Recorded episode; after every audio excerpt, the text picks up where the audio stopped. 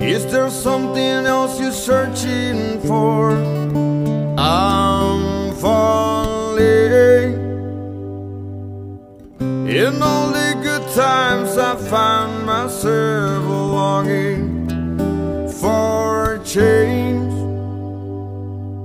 And in the bad times, I fear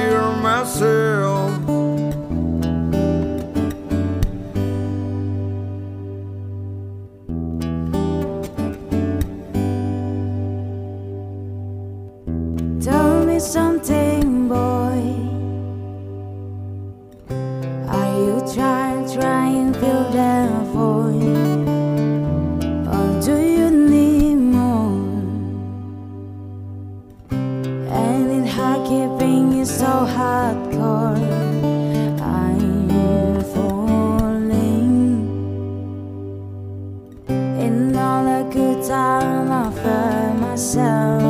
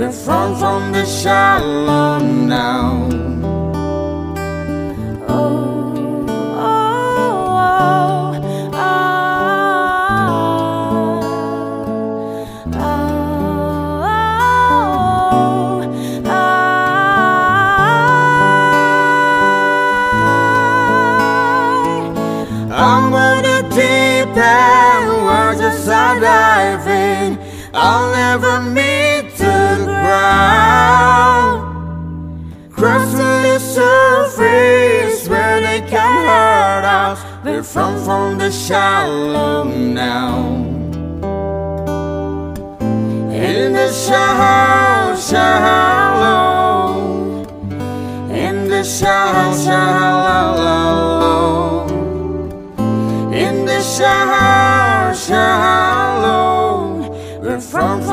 shallow now.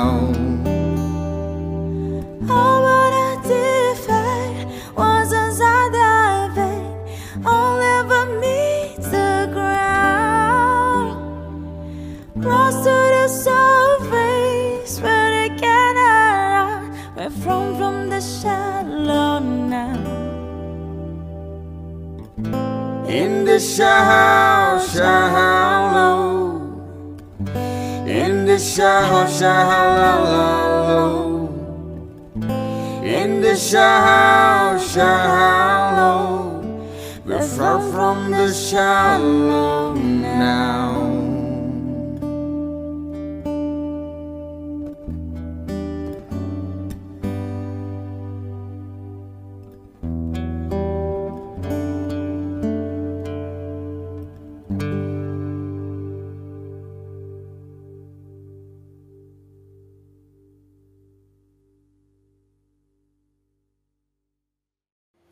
Assalamualaikum warahmatullahi wabarakatuh. Pada pertemuan kali ini kita telah memasuki ke dalam materi baru yaitu mengenai persamaan dasar akuntansi. Untuk sesi 1 eh, kita akan mempelajari mengenai bukti-bukti transaksi. Nah, di dalam setiap kegiatan perusahaan itu bias eh, yang setiap kegiatan perusahaan yang bersifat keuangan pada intinya itu harus dicatat dan dilaporkan. Pencatatan tersebut pencatatan eh, keuangan tersebut biasanya berdasarkan kepada dokumen dokumen atau bukti transaksi. Nah, bukti transaksi sendiri itu biasanya dibedakan sesuai dengan kejadiannya. Ada transaksi yang bersifat internal, artinya di dalam perusahaan, dan ada juga transaksi yang bersifat eksternal. Nah, eh, kedua transaksi ini biasanya nanti akan secara otomatis mengubah posisi aset, liabilitas, serta ekuitas pada perusahaan. Nah, dokumen sendiri yang menjadi sumber atau bukti pencatatan dapat dibedakan menjadi dua, yaitu bukti pencatatan inter, intern atau internal dan bukti pencatatan ekstern atau eksternal. Nah, bukti pencatatan intern atau internal adalah bukti pencatatan yang dibuat perusahaan untuk kepentingan perusahaan itu sendiri dan tidak berhubungan dengan pihak luar. Jadi biasanya e, bentuknya itu e, berbentuk memo. Begitu ya. Contohnya misalnya penyusutan aset tetap, pemakaian bahan baku, pemakaian perlengkapan. Nah, sementara bukti pencatatan ekstern atau transaksi eksternal adalah bukti bukti pencatatan yang terdiri atas eh, yang terjadi antara perusahaan dengan pihak di luar perusahaan. Contohnya ada faktur, ada nota, ada kwitansi. Nah, kita bahas satu-satu dulu. E, macam-macam bukti transaksi yang sering digunakan dalam proses pencatatan akuntansi. Yang pertama yaitu kwitansi. Kwitansi adalah tanda bukti pembayaran yang dibuat serta ditandatangani oleh pihak penerima uang. Pada jumlah tertentu, kwitansi biasanya harus dilengkapi dengan materai sesuai dengan peraturan yang berlaku. Yang kedua itu ada yang disebut dengan nota. Nota atau nota kontan adalah bukti penjualan atau pembelian secara tunai. Yang ketiga ada yang disebut dengan cek. Cek adalah peneri, uh, perintah yang diterima dari pihak lain sebagai alat untuk melakukan pembayaran melalui bank. Yang keempat, ada faktur. Faktur adalah bukti transaksi untuk pembelian dan penjualan kredit yang dibuat pihak penjual kepada pihak pembeli. Pembeli akan menerima faktur asli sebagai bukti pencatatannya, sedangkan penjual akan menerima faktur tembusan sebagai bukti pencatatannya. Jadi yang disebut faktur tembusan itu biasanya faktur itu terdiri dari dua rangkap Nah, yang di depannya yang aslinya itu diterima oleh pihak pembeli, sementara belakangnya itu e, dipergunakan untuk pihak penjual. Yang kelima ada yang disebut dengan nota debit. Jadi nota debit ini adalah nota yang berisi dokumen transaksi sebagai permintaan pengurangan harga kepada pihak penjual atau bukti yang berisi informasi yang menyatakan tentang pengiriman kembali barang yang tidak sesuai dengan pesanan atau rusak. Jadi eh, di dalam jual beli biasanya ada yang disebut nota debit ini akan apa nota debit ini dipergunakan misalnya jika barang yang kita beli itu ada yang cacat atau ti, e, rusak yang disebut retur. Nah, jadi ketika retur ini terjadi maka biasanya keluar yang namanya nota debit. Ada juga nota kredit. Nah, nota kredit adalah bukti transaksi penerimaan barang yang telah dijual atau pengembalian barang. Nota kredit yang dikeluarkan oleh penjual ini berfungsi sebagai alat persetujuan dari penjual atas permohonan pengurangan harga yang diminta oleh pembeli karena barang yang diterima mengalami kerusakan atau tidak sesuai dengan apa yang dipesan. Lalu ada juga memo. Nah, memo ini atau memorial adalah bukti yang dibuat oleh pimpinan perusahaan atau pihak yang diberi wewenang untuk bagian akuntansi atau urusan akuntansi. Nah, sementara nanti kita akan sering uh, menyebutkan apa yang disebut akun akun itu atau rekening ya.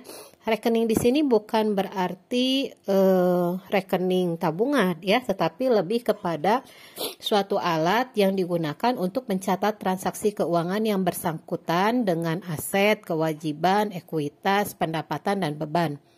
Akun atau rekening memberikan informasi tentang operasional perusahaan setiap hari.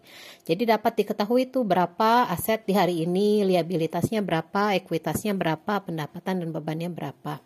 Nah, jumlah akun ini nanti biasanya akan disesuaikan dengan pembukuan perusahaan tersebut tergantung kepada kebutuhannya. Kumpulan akun ini biasanya ada di dalam buku besar. Nanti akan kita pelajari lebih lanjut di KD 3.3. Nah, klasifikasi akun atau rekening sekarang yang akan kita pelajari. E, pada dasarnya akun atau rekening itu diklasifikasikan menjadi dua. Ada akun real atau posisi keuangan dan akun nominal atau laba rugi.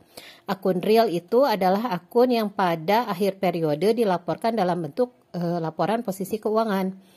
Akun ini biasanya meliputi akun aset atau harta, liabilitas, dan ekuitas. Liabilitas itu hutang, ekuitas itu modal. Nah, rekening harta atau e, rekening aset. Harta perusahaan itu meliputi dua, ada harta lancar, uh, harta lancar dan ada harta tetap. Nah, harta lancar atau current aset yaitu aset yang mudah dicairkan dan habis dipakai dalam satu periode akuntansi. Jadi dalam satu periode akuntansi semuanya bisa habis gitu ya. Contohnya seperti kas, piutang, usaha, eh, perlengkapan, sewa dibayar di muka. Nah, itu masuknya ke dalam aset lancar. Yang kedua, ada investasi jangka panjang atau long term investment. Adalah investasi yang dilakukan perusahaan dalam jangka waktu lebih dari satu tahun. Misalnya, investasi saham, investasi obligasi. Kemudian juga ada yang disebut dengan aset tetap. Nah, aset tetap atau fixed asset adalah aset yang berwujud yang digunakan untuk operasional perusahaan. Dan biasanya manfaat masa masa manfaat pakainya itu bisa lebih dari satu tahun. Seperti tanah, misalnya bangunan, gedung, peralatan, kendaraan itu masuknya ke dalam aset tetap. Yang keempat itu ada aset tidak berwujud, intangible asset, yaitu aset yang berupa hak-hak istimewa yang dapat menguntungkan perusahaan. Contohnya seperti hak cipta atau hak paten. Yang kedua ada rekening liabilitas atau utang. Nah, utang ini sendiri dibagi menjadi dua. Ada eh, liabilitas lancar, current liability, adalah liabilitas atau utang yang harus dilunasi dalam jangka waktu kurang dari satu tahun. Contohnya utang usaha, utang wesel, utang gaji, pendapatan diterima di muka, dan beban yang terutang. Ada juga liabilitas jangka panjang atau long term liability. Adalah liabilitas eh, kepada pihak lain atau kreditur yang harus dilunasi dalam jangka waktu lebih dari satu tahun. Contohnya utang obligasi, utang hipotik, ut, uh, utang bank, dan masih banyak lagi. Yang ketiga yaitu rekening ekuitas atau modal adalah bagian hak pemilik terhadap kekayaan perusahaan. Itu ya, itu yang disebut dengan eh, klasifikasi akun. Nah, yang kedua ada akun nominal atau laba rugi. Nah, akun laba rugi ini adalah akun yang pada akhir periode dilaporkan dalam laporan laba rugi. Biasanya terdiri dari dua, yaitu pendapatan atau penghasilan. Yang kedua beban. Nah, pendapatan atau penghasilan adalah hasil bruto atau hasil kotor yang diterima perusahaan dalam melakukan operasionalnya. Ini ada dua biasanya pendapatannya. Ada pendapatan usaha. Pendapatan usaha itu bisa pendapatan jasa, penjualan barang dagangan contohnya ya. Terus ada juga pendapatan di luar usaha, pendapatan bunga, pendapatan dari laba uh, penjualan aset tetap misalnya. Yang kedua ada beban atau biaya yang dikeluarkan oleh perusahaan yang harus dilakukan selama usaha. Misalnya ada beban usaha. Nah, beban usaha ini contohnya ada beban gaji, gaji pegawai, beban sewa. Beban sewa itu misalnya kalau kita menyewa, kalau gedung yang kita pakai itu eh, kita kontrak itu namanya beban sewa. Ada juga beban listrik, beban air gitu ya. Itu masuknya ke dalam beban usaha. Ada beban di luar usaha. Nah, kalau beban di luar usaha itu contohnya misalnya kalau kita meminjam uang secara uang untuk modal, itu masuknya nanti ada beban bunga lalu ada juga misalnya penjualan aset gitu ya. Kalau asetnya itu kita jual ternyata rugi. Nah, itu masuk ke dalam beban di luar usaha. Nah, untuk kode akun atau rekening itu biasanya e, disesuaikan dengan kebutuhan unit usaha atau perusahaan yang bersangkutan. Nah, pemberian e, nomor kode akun ini dalam suatu perusahaan biasanya dilakukan empat cara, yaitu yang pertama ada sistem numerikal, yaitu e, sistem pemberian nomor kode akun dengan menggunakan angka itu ya. Yang kedua ada sistem desimal. Nah, kalau di, sistem desimal adalah pemberian kode akun dengan menggunakan dasar rangka 10 digit yaitu 0 sampai 9. Lalu ada pemberian sistem nemorik. Nah, pemberian ini e, biasanya menggunakan huruf kodenya itu. Yang terakhir ada sistem kombinasi huruf dan angka. Pada sistem ini biasanya akun itu diberikan e, ada hurufnya, ada juga angkanya. Tetapi yang biasanya pada umum umumnya dipakai adalah sistem numerikal yang secara umum dipergunakan. Nah, ini materi untuk uh, sesi 1. Nanti akan kita lanjutkan lagi di sesi 2 yaitu mengenai persamaan dasar akuntansi. Uh, semoga penjelasan ini bisa membantu kalian untuk memahami materi yang disampaikan. Terima kasih. Assalamualaikum warahmatullahi wabarakatuh.